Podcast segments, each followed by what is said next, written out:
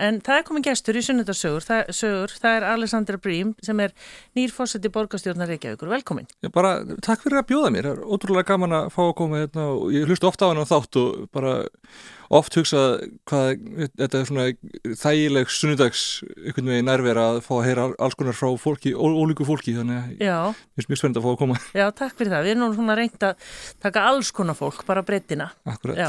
En þú svona einhvern veginn, já, nafnið þetta er búin að vera í, í hérna pólitíki einhver ár og í, hérna er ekki mm. þrjú ár sem þú er búin að vera, vera borgarfulltrúi eða? Jú, ég var þess að var borgarfulltrúi eftir sveitæstunarkostningarnar 2018, ég var búin að vera virki í grásrótastarfi á undan því síðan svona 2014-15 eftir í hvernig maður telur. Já. og svo hafði ég alveg verið í svona á lista í hinnum af þessum frambóðum undan því á þess að gera mér raunhafar vonur um að komast neins þaðar að sko, Já. bara svona allir stuðnings. Já, en svo ertu bara allt í norðin hérna fórsöldu borgarstjórnar. Já, það er pínu stórt skrif að fara í svona einu skrifi frá því að vera varaborgarfulltrú upp í að vera fórsöti Já. En sko höfum, höfum það samt í huga í Reykjavík er að þannig að fyrsti varamaður á hverjum lista er í 70% starfi því að þá þurfa, þurfum við ekki að vera ykkur öðru á meðan og erum þá laust til að koma inn í aflýsingar. Já, já. og erum gjaldgeng sem aðalmenn í fagráðum í borgarinnar þannig að ég er búin að vera í fullu starfi í þú víst skólufrísundaráði og velferðaráði og yngöparáði og alls konar núna síðustu þrjú árin. Já. og ég hef lagt mikið upp úr í líka að mæta á alla borgarstundafundi og samráðsfundi og alls konar svoleiðis. Þannig að sko mér líður alveg eins og ég hafi verið vel inn í þessu hlutum, þetta er ekki eins og að koma alveg ferskin af gautunni og ætla, ætla að vera fórseti en En, en jú, þetta gerði samt svona pínur hratt sko. Já, einmitt. En Alessandra, ég vil bara byrja á byrjunni. Þú ert hvað, fætt 83? Jú, ég er það. Og ertu reykvíkingur?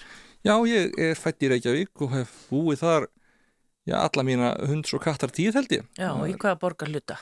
Sko, uh, ég, fóldra mín er búa í sólheimum þegar ég fæðist, en ég, þau flytja þaðan þegar ég er bara nokkur á mánuða. Já, já. Og þá fyrir við upp í hólakverfi, búum í krummahólum í svona cirka sjö ár svo í orrahólum sem er raunir bara neðar í sömu götu. Mm -hmm. og svo þegar ég er að fara í nýjundabekk þá flytjum við í seljakverfið og uh, fyrir, þá, þá fyrir ég í seljaskóla. Og ég, við byggum þar þar til að ég sko flytta heimann einhvern tíman á 20 aldri, ég man ekki nákvæmlega hvenar og ég bý nýri í nýri í ringbraut og uh, hjarðarhaga í nokkur ár og svo í rauninni flutti ég aftur til fóröldra mína fyrir ekki, ekki svo lengur síðan þegar að ég, ég ákvaða að því ég væri hvorki með e, makkan ég börn að þá geti ég alveg spara mér að borga leigu. Já, einmitt, langkagstæðast náttúrulega. Svo sem. Já, en þannig að þetta lítur að vera gott sem fórsett í borgarstjóðnar hafa verið bara svona í mörgum hverfum og kynst Reykjavík svolítið vel.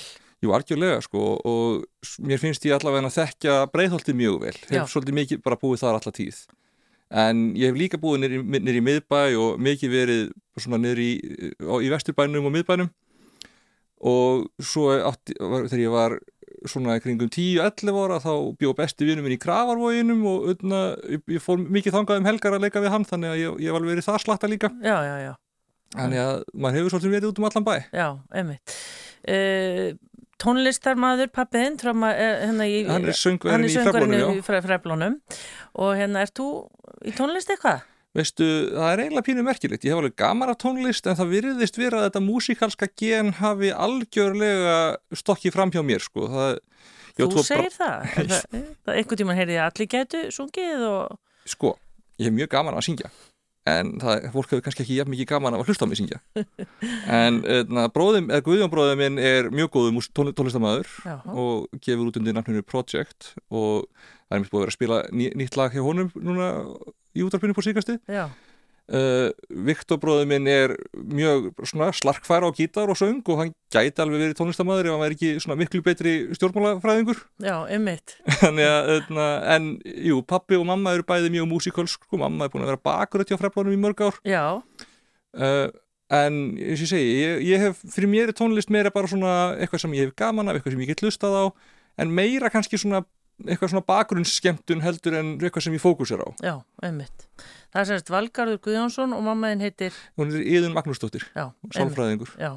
En er hérna svona þungarokka eða svona hvað kallast þetta með fræflana? Þetta er, bara... þetta er nú bara punk sko, Ísla, íslenskt punk Já. sem að pappi segir nú líka sé svolítið bara á vissan átt bara svona poptónlist. Þetta er bara rætt og skemmtilegt og gengur meira út á að gera eitthvað sem er fjör heldur en endilega sko að gera, að, heldur en endilega að ná teknilegri fullkomnun bara að ná að gera þetta á hátt sem er skemmtilegt. Já, og þannig að þú hefur alveg gaman að þannig tónlist Já, líka já, bara, Jú, jú, jú, ég er alveg sko ég, ég, ég, ég, ég hef alveg punk genið sko, þannig. Það það er kannski ekki það sterkasta í mér en það er alveg, það er til staðar sko. Já, þannig að na, já, svona pínu svona, og það, það fer alveg maður þarf alveg, þarf alveg að finna smá svona jafnvægislistina í því að eh, ef maður ætlar að vera fórseti borgarstjórnar eða bara borgarfulltrúið þá þarf maður að veist, bera vissa virðingu fyrir reglunum og forminu og vissum svona ritualisma í hvernig hlutinir ganga fyrir sig.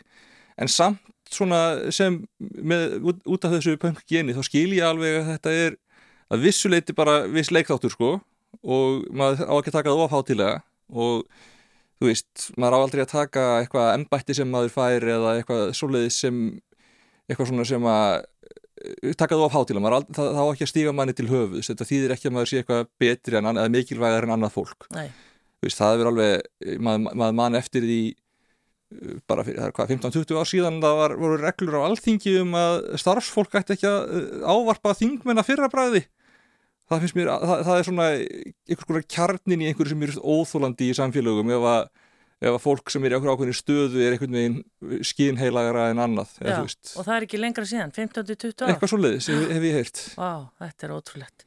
Þú ert sem sagt eh, 83 mótel, hvernig varstu svona, varstu uh, náms Já, sterkur í skó- skóla eða ég, sterk í ég skóla? var, var það nú en ég var alveg, það hefur komið í ljós sko, ég var alltaf með tölverðan aðdeglisbrest Já, en öðna, svolítið svona hvað sem var, fjall í skuggan að því að bróðum mér var miklu meiri aðdeglisbrest en, og líka það að sko hjá stelpum er, byrtist aðdeglisbrestur oft meira sko inn á við.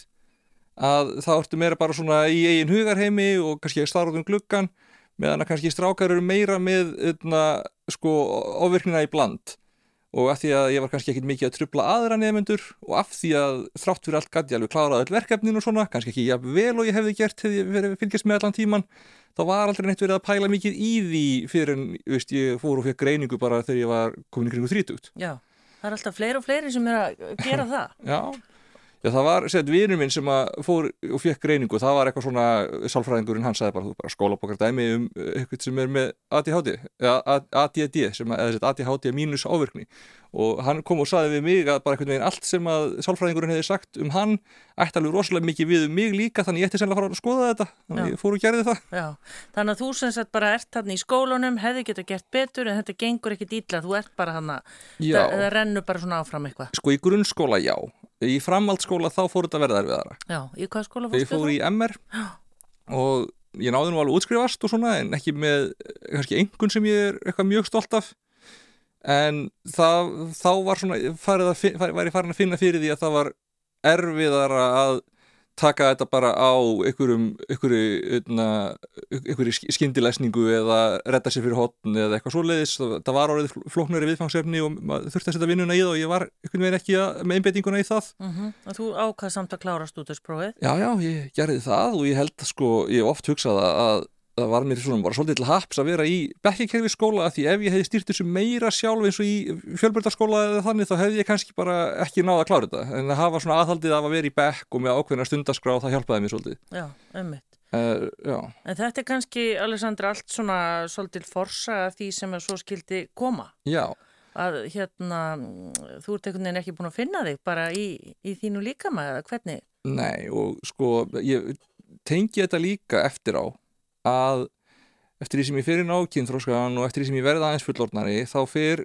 svona kynáttunar vandin að verða meira dominerandi í hugsunum mínum og menna ég fyrir í háskóla og ég fyrir í læknisfræði og öðna, nægilega induguprófinu sem ég var fyrsti árgangunum sem tók það en svo bara var ég ekki að ná að læra sko. Var, þegar þannig kom í sögu þá er ég farin að verða voðalega svona plöguð af þessu því, því að vera ekki rétt um líkama Hm. Hvernig lýsir það sér? Getur einhvern veginn Já, reynd að útskýra það fyrir okkur?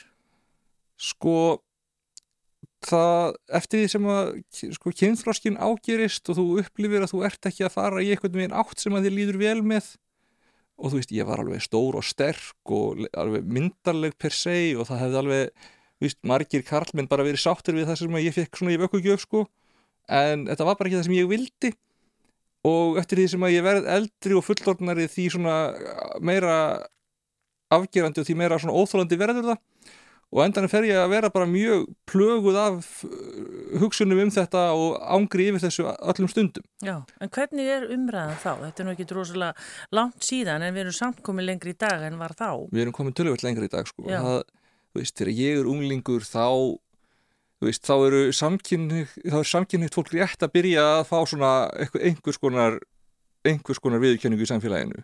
Ekki mikla ennþá en svona þú veist, það er að byrja að vera svona hei, það er nú kannski ekki alveg cool að gera grína homum eða þú veist. Einmitt. og það er svona rétt að byrja þegar ég svona fyrir að, en þú veist, transfólk er svona krónist cirka tíu árum og eftir uh, samkynniðum á í svona sín réttindabaróttu og þú veist, ég veit það ekki. Þegar ég er unglingur þá er ennþá að koma út, þú veist, bíómyndir eins og Ace Ventura og þættir eins og Friends þar sem að ég er, þú veist, þau eru eitthvað, eitthvað litið að reyna að vera progressív en þau bara kunna það ekki. Og öðna, veist, það, er, það, það er ennþá til siðis að gera grínað transfólki. Og svona það sé eitthvað pínu skrítið og ógeðslegt uh -huh. og skömmusturlegt ef að kallmaður verður skutin í konu sem kemur að ljósa sér trans eitthvað svo leiðis uh, og spilað sem grín þannig að þú veist þetta er umhverfið sem ég er í sko þarna. Við erum augljóslega að verða meira samþygt með tímanum og þetta, þessi sko neikvæða grín umfjöllun má alveg segja er fyrsta skrefið í því að komast inn í uh, svona hugarheim fólks og þá að, og, og, og, og svona kannski einhvern veitur nöðsynlegt fyrsta skref áður hlutin getur orðið betri. En það er ekkert skemmtilegur tími sko þannig. Nei, en við getum kannski talað Basically bara engan. Og það er sorglegt vegna þess að ég veit það í dag. Ég vissi að mér sé að þannig sé þá að fjölskylda mín var mjög jákvæð og samþykjandi og veist, fóreldrar mín voru eitthvað um búin að taka okkur og mig og bræði mín á tal og segja bara þú veist sama hvað fólk þið elskið eða hvernig þið eru þá samþykju við ykkur alltaf. Bara svona því að þau vildu vera vissum og við vissum það. En ég beita í mig þegar ég var bann einhvern veginn að þetta væri eitthvað sem væri skrítið og bara fyrir mig og ég þurfti einhvern veginn að bara díla við í hljóði ég veit ekki af hverju ég beita svona í mig en það var bara mjög snemma bara þegar ég var á leikskóla. Og sko ég veit svo, sko ég sjálfur sér ekkert hvað þetta er fyrir en að ég er orðin eldri fyrir en að ég er svona kannski ég veit ekki 12-13 ára. Og internet er að byrja að koma inn og þá fyrir maður að geta fengið ykkur aðeins mér upplýsingar þá fyrir að fatta að þetta sé nú eitthvað sem að veist, fólk sé út í heimi. Þetta er ekki bara eitthvað ég að vera skrítin. Og hvað segir maður? Svo samt einhvern veginn það tekur mig alveg svolítið tíma að samþykja að þetta sé málið að þetta sé ekki bara einhver svona forvitni. Ja, því það er líka pínu gegnum gangandi sko að transfólk sem er mikið inn í eigin heimi framan af það kannski heldur að allir séu svona forvitnir um hvernig væri kannski að vera hitt kynið. Og svo kemur ljósa, jújú, sem ég pæla stundum aðeins í því er bara eitthvað svona, ha, aldrei hefur mér dóttið það í hugum nefn bara þegar að veist, einhver spurði mjög út í það eða þegar ég sá einhverja þannig bíómyndið eitthvað þá svona pældi það verður skrítið en, en veist, við höldum kannski að þetta sé bara eitthvað sem allir sé að pæli já, já, að því að við erum komin í svo mikið ring sko í okkar haus. Já, En þegar þú ert þannig lítill strákur ertu þá að fara í stelpuföld eða hvernig? Sko fyrir mér var þetta aldrei mikið um föld ég, jú, vissulega uh, prófa það. Ég, ég sé ekki 12-13 ára þegar ég prófaði aðeins. En, og þá bara einn í laumi e, já, ég segir reyndar einn í laumi já. en öðna, sé, það var aldrei mikið Fyrst er óþægild að ég er rugglist svona þegar ég, uh, sko, ég nota og ég nota bara ég nota náttúrulega bara hérna. Þetta er, það er allur gangur á þessu. Þegar við erum að tala um fort, fortíðina og svona þá flokkum við á milli. Já. þú eru að segja mér, leipina mér, allt maður í, veit ekki betur. Allt í góðu sko. Er, ég veit að það er bara það er, það er svolítið allur gangur á því hvernig fólki finnst þægild að tala um það Mér finnst sko að ég hafa alltaf verið stelpa en ég var vissulega í stráka hlutverkjaðna á þessum tíma og vissi enginn betur sko. En þú veist ég var samt bara ég. Og uh, það er, þú veist, hvað segir maður, hvenkins fornöfni eru mín fornöfn hvenar sem er í minni baksugu en það getur alveg verið að öðrum finnist það öðruvísi og þetta er bara, þetta er bara svona, hvað sem er, svona, svona líður mér. Þannig að það er bara um að gera kannski að spyrja ef það er vafi. Já, en uh, þetta, það er ekkert í sjálfu sér finnst mér móðgandi að tala um fortíðar mig í karlkinni, mér finnst það bara ekki vera rétt. Nei, þannig að, en þú veist hvað segir maður? Uh, það tekur mér svolítið tíma að átta með þessu. Og svo þegar ég ára en svona, hvað, 16, 17, 18 ára þá veit ég alveg að ég er trans. Já. En þá er ég samt bara einhvern veginn búin að ákveða það að þú veist, þetta sé alltaf mikið vesen og ég vil ekki vera að búa til eitthvað stór mál fyrir fólkið í kringum mig og ég hvort ég er svo stór og mikil og kassalaga öðna, þú veist, ég get aldrei fengið einhvern veginn neinan lendingu sem mér líkar hvort þið er og ég, þú veist, ég laðast hvort þið er að konum þannig er ekki bara einfaldar að reyna bara að gleyma þessu og skemmst frá því að segja að það er að heimskulegasta sem ég nokti um ákveði hm. og það líða bara mörg ár. já, það líði alveg hvað, svona 12 ár þar til ég fer eitthvað raunverulega að gera, í þessu. Já, og þá ertu bara í og úr skóla, alls konar vinnur. já, bara mér, eins og ég segi þetta er, þetta plagar með allan tíman og sko, ég ætl ekki að fara út í það hvað ég átti sorglegt sumar aðna 2004 minnir með að hafa verið. Þegar ég var búin að, var við það að falla út úr læknisfræðinni og þurfti eitthvað að taka ykkur upptækta, endurtækta próf og ég bara gati ekki fyrir mitt litla líf einbætt mér að ég taka þau að því að þarna er fara að blandast saman sko aðteglisbresturinn og þunglindi út af kynáttuninni og þarna verður líka bara, verða alltaf þung og sko þegar að þú ert ekki í líkama sem þið líkar við og þegar að þú getur fæðið í ræktina og komist í betra form en þá ert að verða enn meira eitthvað með eins og þið líkar ekki það er svo erfitt að viðhalda því. Ég gat alveg, þú veist, ég komst alveg ágætisform á köflum en þú veist, það var bara erfitt. Og mjög erfitt að viðhalda því. Og sérstaklega bara þegar að veist, ég átti erfitt með að deyta því að mér leið alltaf eins og ég var að ljúa þeim sem ég var að deyta því að ég var ekki að segja þeim frá því hver, hver, hver ég var þannig að ég, ég hef ekki, ég hef bara mjög fá alvöru sambönd átti ekki um tíðina út af þessu. Ég er svona rétt að byrja núna að vera tilbúin í að mögulega skoða það. Það er svona, en ertu þarna alltaf ein með þessar tilfinningar eða ertu þarna búin að fá einhverja trúnaðmannisku eða bara einn sko. Bara ein? alveg sko þar til sko ég fer aðeins að segja einhverjum vinum mínum frá þessu undir þrítugt.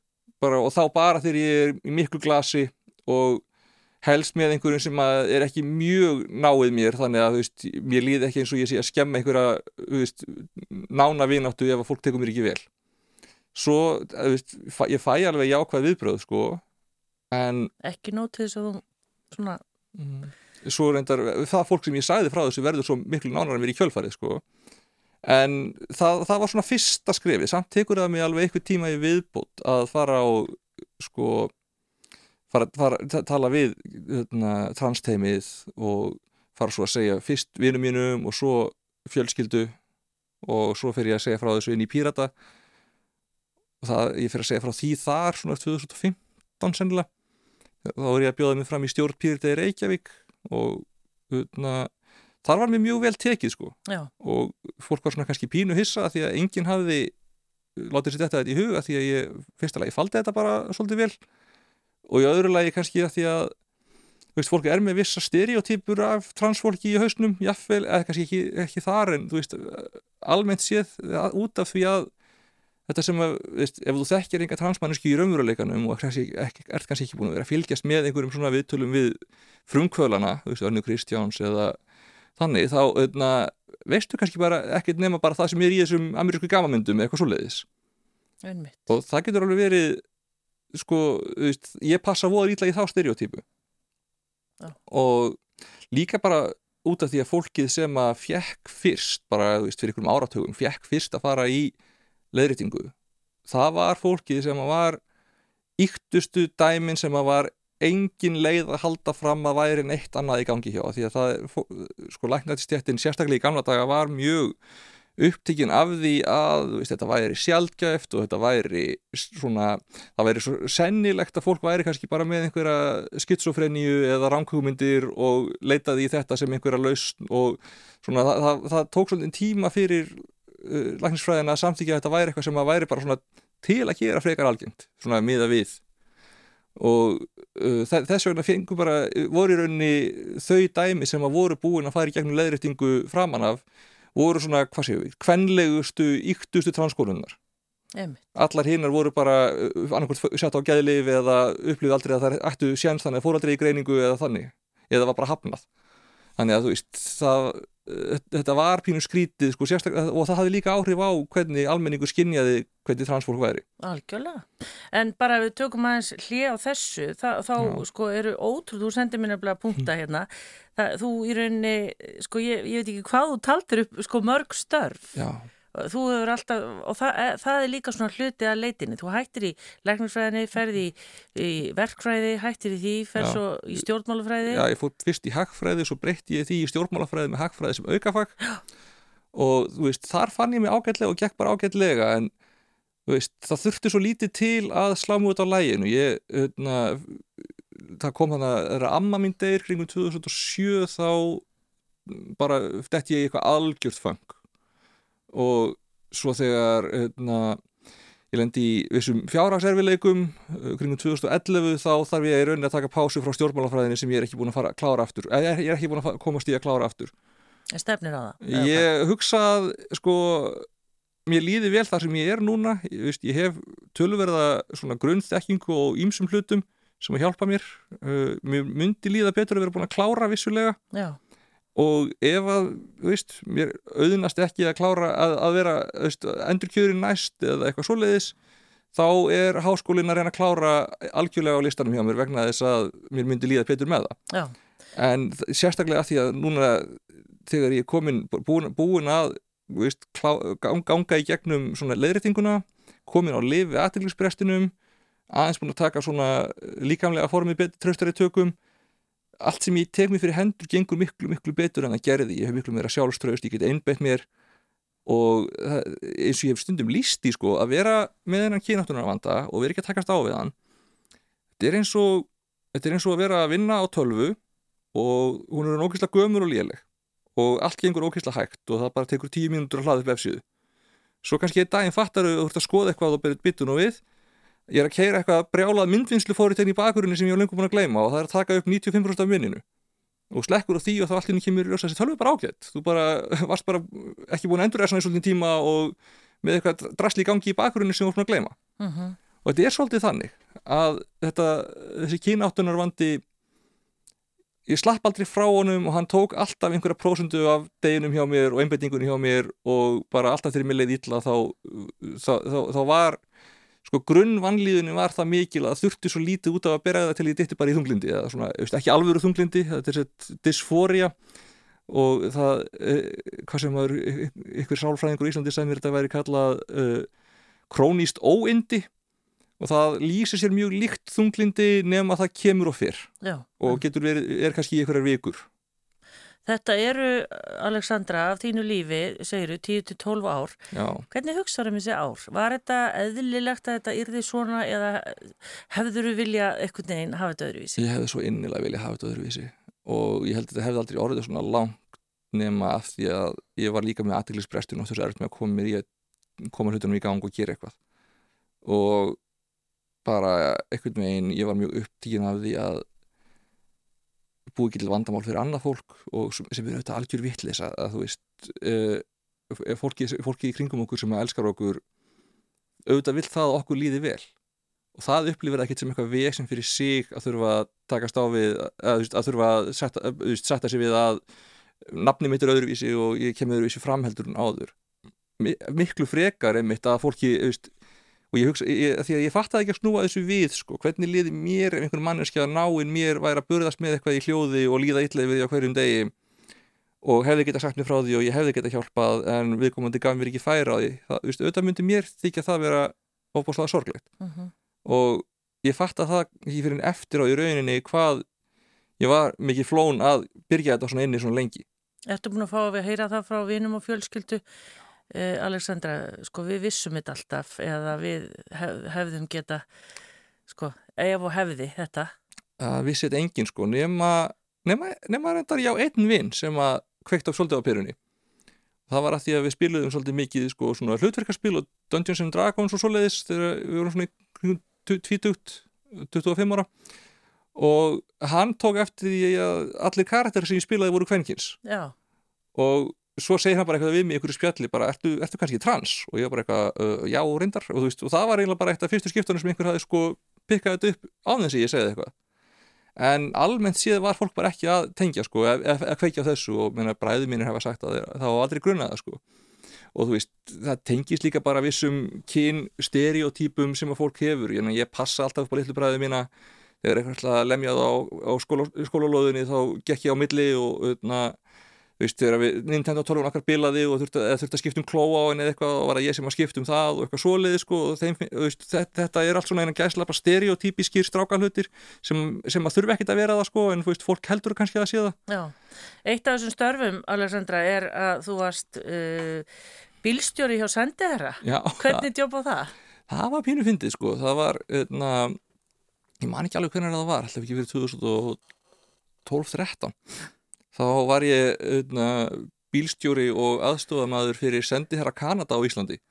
Og það var svona allt múlikt jobb. Og þau voru eitthvað að flytja skrifstofuna á þessum tíma að breyta til og það var mikið af einhverjum svona burði og fluttningi og það var líka bara ábyrðið á bílnum og haldið utan um axturstagbók og öðna, svo líka því að ég var eitthvað sem var íslenskur starfsmáður þar sem að aðrir íslenski starfsmenn höfðu uh, mjög mikið, svona, á, á, mikla ábyrð á öðrum hlutum þá var ég stundum í því að lesa yfir blöðin fyrir hann og pikka út hvað væri kannski relevant fyrir hagsmunni í Kanada og Íslandi og uh, bendunum svo á það eða eitthvað svo leiðis, ég var ekki lengi í þessu 2-3 mánuði.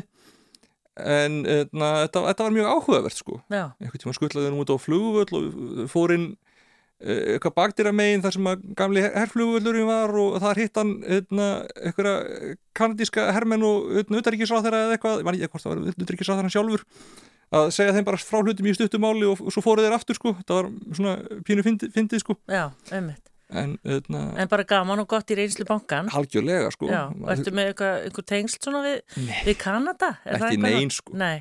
og meiri sé að, þú veist, ég hef ekki heyrt í fólkjunu sem ég vann með þá síðar sko Nei en þetta, þetta var mjög áhugavert einmitt og maður læriði svona að þú veist hvaða er sem sendir að gerir, hvernig þarf að skipuleikja dagskrá fyrir ferðalag, hvernig og maður að setja upp te og kaffi á svona, á svona fínum bakka fyrir eh, fína gæsti og veist, hvernig á að setja upp móttöku fyrir háskóla deilt sem langar að koma í vísindaferð og svo, alls konar svona sem ég hef alveg grætt á að læra sko. Já, einmitt.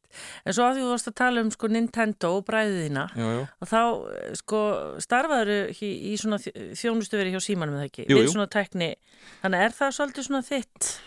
Sko ég hef alltaf verið alltaf verið mjög læs á tekni alltaf svona skílið að vera, ég hef aldrei verið svona sérfræðingur í þannig séð en sérstaklega þú veist þetta teknilega aðstáð símans í þjónustjórunum þar sem ég var þá hjálpaði það líka bara að ég, veist, ég er þólinnmóð og svona ágætlega þægilegan talanda og hérna, get útskýrt hluti fyrir fólki sem eru kannski þreytandi eða, eða leiðilegir og veist, gefst ekkert upp þó að það ekki svolítið tíma.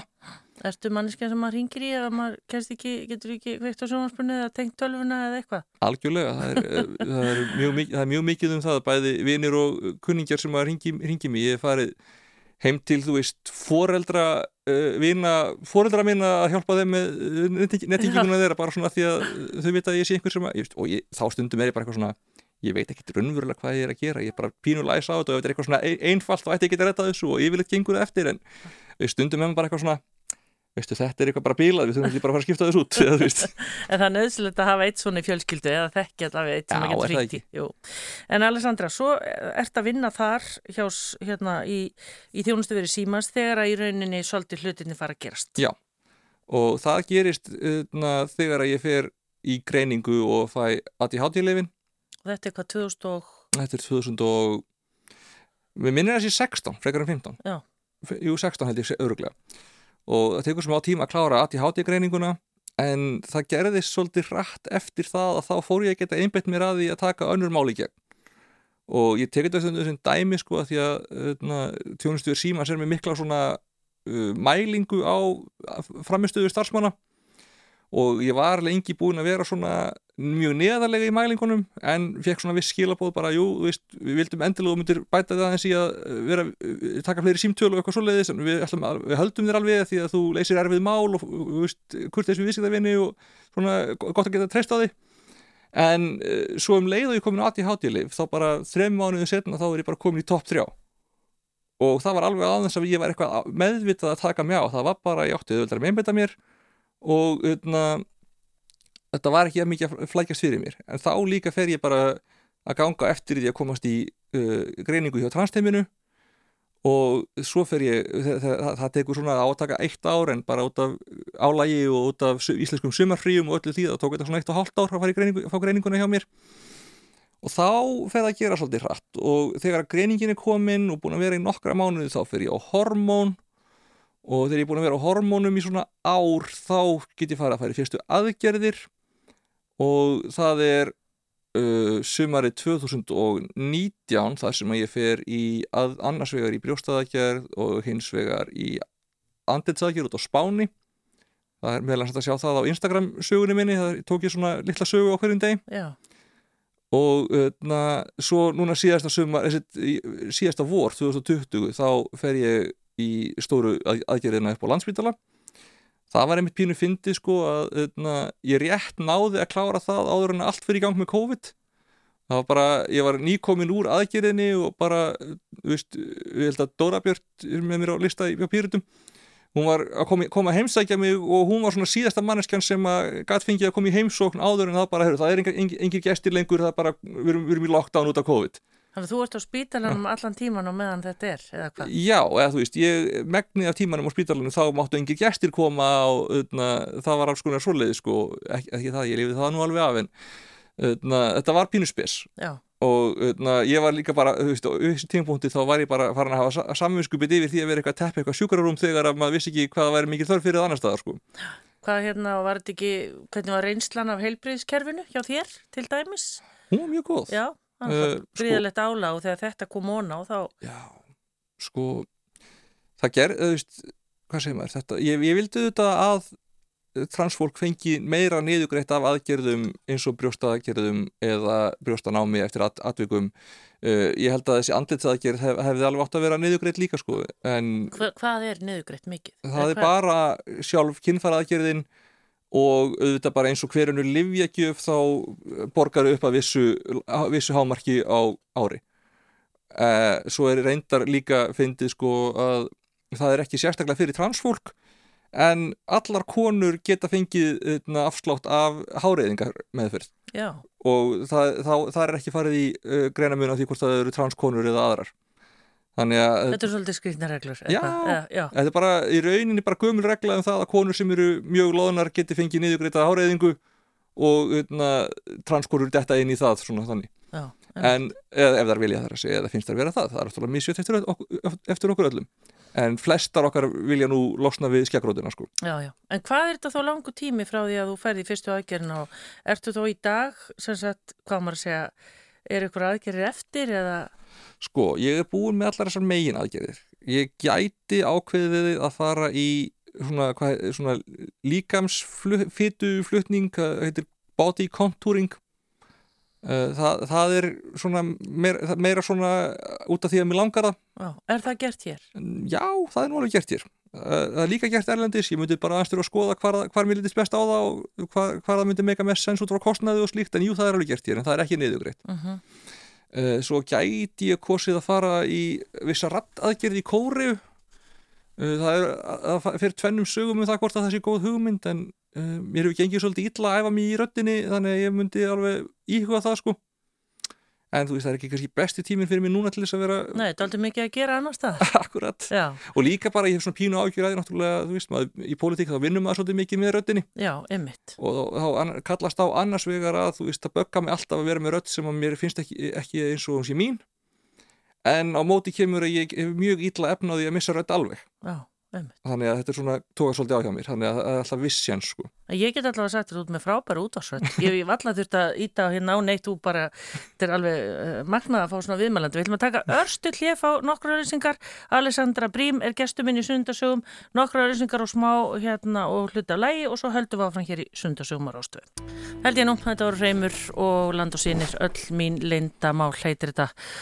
Alessandra, við erum ekki að segja neina leindamál hérna í dag, þetta er ekki alveg orðin galopin með þetta allt saman ég held að það sé ekki lindamál sko. Nei, er, ég er mjög opin, yfirleitt bara mjög opin með allt og en mitt, svona, kannski stærsta vandamál er að vera ekki ofopin bara þannig að fólk, fólki fara að finnast óþægilegt sko. Já, einmitt, en það er kannski líka bara því þú svona fyrir hinn almenna reykinging tekur hann kannski eftir þér núna það er bara fínt kannski að vera bara búin að segja svo er það bara búið, þú ert búin að tala um þetta. Akkurat og ég líka stundum lít svolítið á sko að transfólk er svo á svo mismundi stað í sinu lífi og svo mislangt komin með þetta að sko að einhver leiti hlýtur það að vera hlutverk okkar sem að erum hvað séum við, orðin svona hvað séum við, hérna, ofinbæra personur að taka einhver leiti umræðin og þá kannski líka svo að fólk sem er minna tilbúið til að styrfið þess síður Já.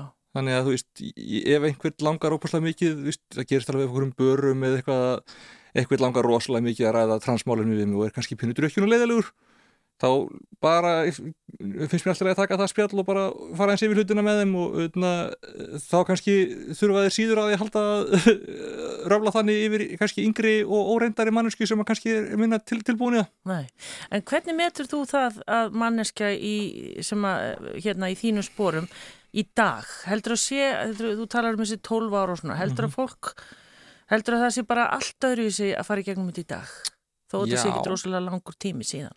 Sko, ég held að þessi tölurverðu munur, ég held að það sé ekki algjör munur. Og ég held til dæmis bara, veist, það breyst að hansi hratt, sko, ætlaði ekki verið 2013-14 þá, þó að sko lögunum hefði ekki verið breytt, þá breyttu svolítið mikið viðmiðin í lækningsfræðinu á Íslandi og bara gæðlækningum um það, þú veist, hvað, hvernig ætti að greina transfólk. Og þau fóru meira að vera svona opinn fyrir svona víðara litrófi, ekki bara þessu svona yktusu dæmi, sko, alveg fyrst þegar ég kem í, til að fá greiningu þá er mér svolítið sagt að ég sé bara eitthvað en þetta sé ekki fyrir mig, sko. Og ég sé ekki nógu trans eða eitthvað eitthvað svoleiðis. Mm -hmm.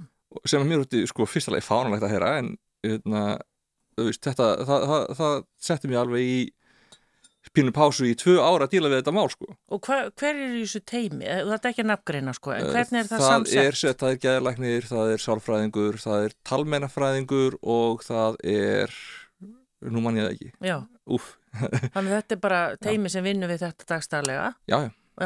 Og eru vantarlega með sko að veita aðra þjónust í helbíðarkerfinu en þú veist, eru í þessu teimi til, fyrir þennan hóp líka. Já, og upp varstu reyð eða hugsaður bara hvað? Já, ég var svolítið reyð Já. en þú veist, það gerði mig eiginlega ákveðinari í því að, þú veist, ég tók, tók mér smá tíma, ég hugsa mín mál og veist, er ég alveg viss? Og ég er svona, ok, ég ætla bara að býða þess að sjá hvort þetta lagast eitthvað. Það hefur aldrei verið verra heldur en þessi tvö ár sko eftir það þá erum við mjög meðvituð um það og þú veist, og þú þegar ég kem aftur og það notur mér að tala við sama lækni þá er ég miklu vissar í minni sög og það var kannski bara það sem hann þurfti að heyra. En þú veist, fyrir mér er þetta upplífið svolítið að það við glatast tvö ár.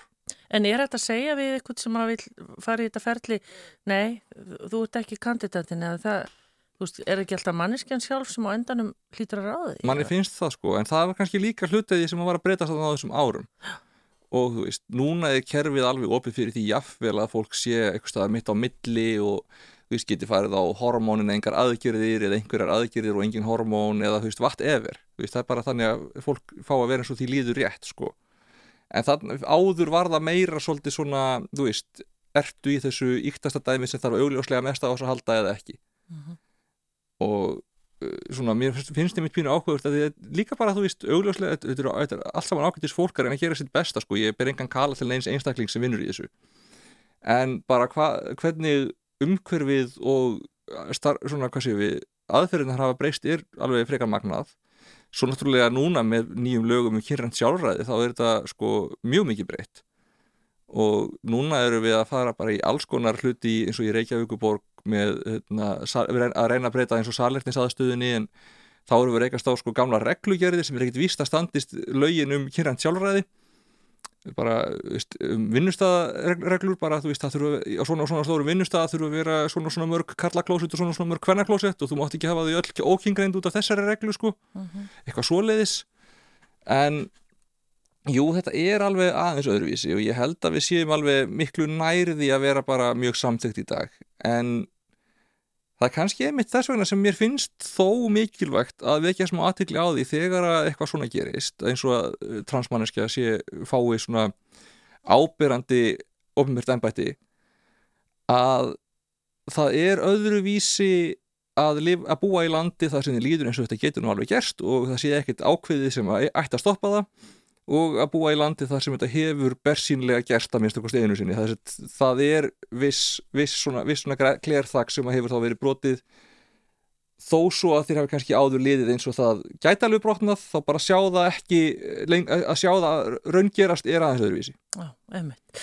Uh, og bara svo kannski fyrir svo að tala um, um starfið þitt uh, bara svona almenningur eins og ég var hérna áðan sko, maður er svo óviss og mm. þetta eru auðvitað hugtök sem maður kannski hrættu við að nota og svona Já. finnst þér hérna það líka allt vera að koma eða finnst þér svona Já. almenningur einhvern veginn vera svona meðvitað um þetta hvað er að vera trans og allt þetta almenningur er miklu meðvitaður um það heldur en áður og sko ég er mjög, með, ég er mjög góð í að lesa hvernar fólk til dæmis er bara raunverulega rugglast eða veit ekki betur og þú veist í þessi einstakka dæmi þar sem fólk er raunverulega svona hvað sem aður að reyna að pikka í mann eða ja, þannig. ja.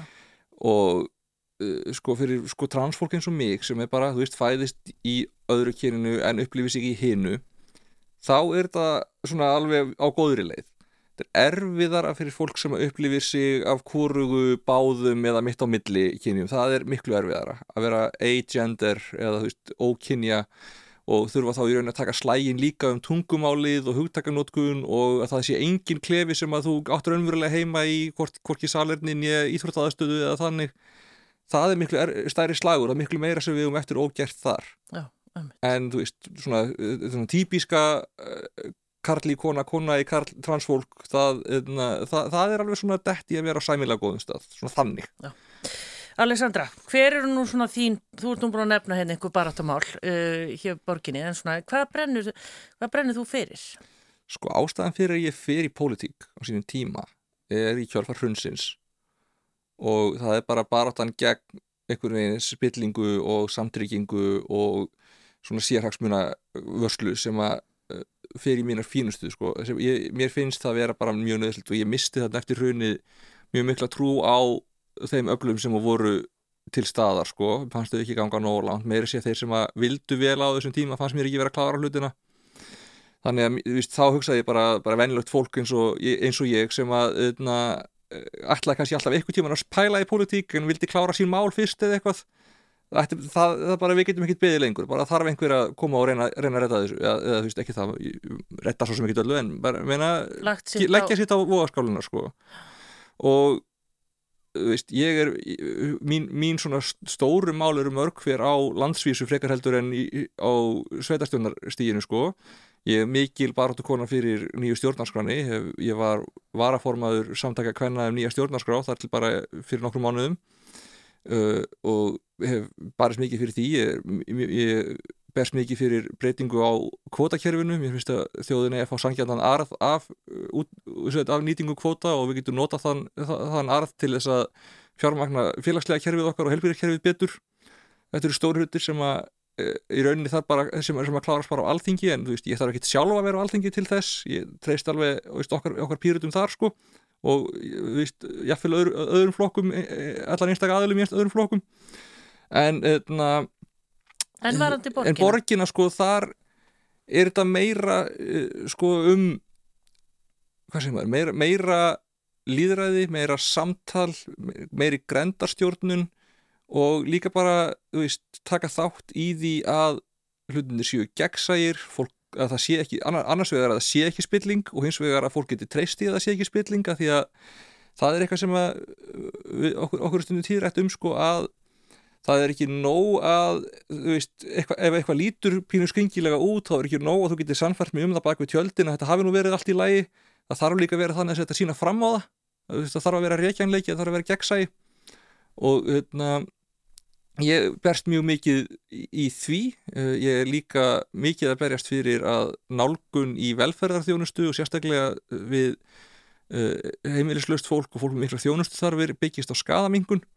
Við erum með Housing First verkefnið sem gengur út á það að húsing, húsnæði fyrst, húsaskjól fyrst, sem gengur út á það að þegar að fólk er komið í mjög slæma stöðu þá skiptir mestu máli að hjálpa þeim að byrja að fóta sig án þess að við endilega gera einhverja kröfu um að veist, hætti að neyta eða þannig af því að það getur bara, það getur bara verið mjög ómögulegt og maður það bara einhvern veginn að hjálpa fólki þar sem það er út frá því hvernig þeirra líf er staðsett á þeim tíma. Já, það har nú verið mikil umræðum það þessi hérna, búsetu úræði fyrir Jú, jú. Og ertu þar alveg á kafi?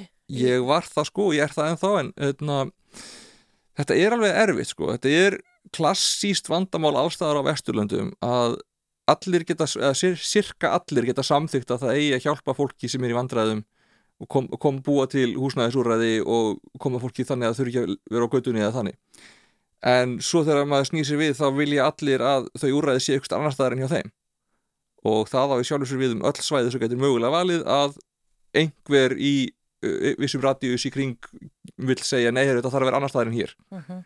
og þetta heitir Not in my backyard eða NIMBY sem er alveg sko, ég, ég get alveg sko einhver leiti skili fólki sem hugsa þannig en við, við, þurf, við getum samt ekki ef, ef við myndum alltaf fara eftir því að einhvers segir nei ekki hér þá myndum við hverki geta komin einu fyrir.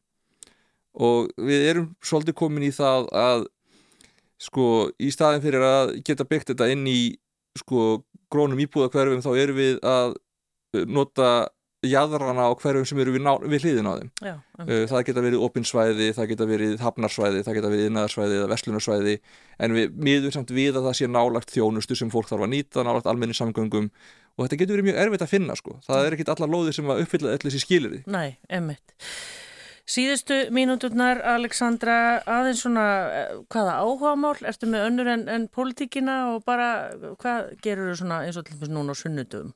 Ég er náttúrulega sko algjört nörd og veist, ef að ég fæ uh, mínu ráði þá myndi ég vera að spila eitthvað eins og Dungeons and Dragons eða eitthvað svoleiðis eða uppspila tölvuleiki eða ekki, ég reyndar minnar í tölvuleiki núna í, í, í, í setni tíð en það er alveg eitthvað sem að stundum kýtla maður þegar það er hérna, þegar maður hefur minn, minn lítið að gera. Þetta þá í einhverjum hópum að spila? Nei, nei, bara sjálf sko þannig, ég fyrir kannski á neitunum í mínum mínum en það er sjálfnar já. svo líka bara, þú veist bara einhverja goðar bíómyndir eða eitna, lesa, ég les bækur líka. Já, er eina af þeim. Já, já. Uh, er, en þú veist Já, ég er svona svolítið nörd, veist, ég horfi á þegar, þegar ég hef lausan sunnudags eftirmiddag og sjónvarpi útaf fyrir mig þá horfi ég kannski bara á slatta af gánum Star Trek þáttum í röð. Eða þú veist, eða Marvel bíómynd eða getur verið, getur verið í rauninni hvað sem er sko, eða, eða teiknumindir, ég horfi mikið á bara eitthvað gamla Simpson þætti eða Rick and Morty eða eitthvað veist, er,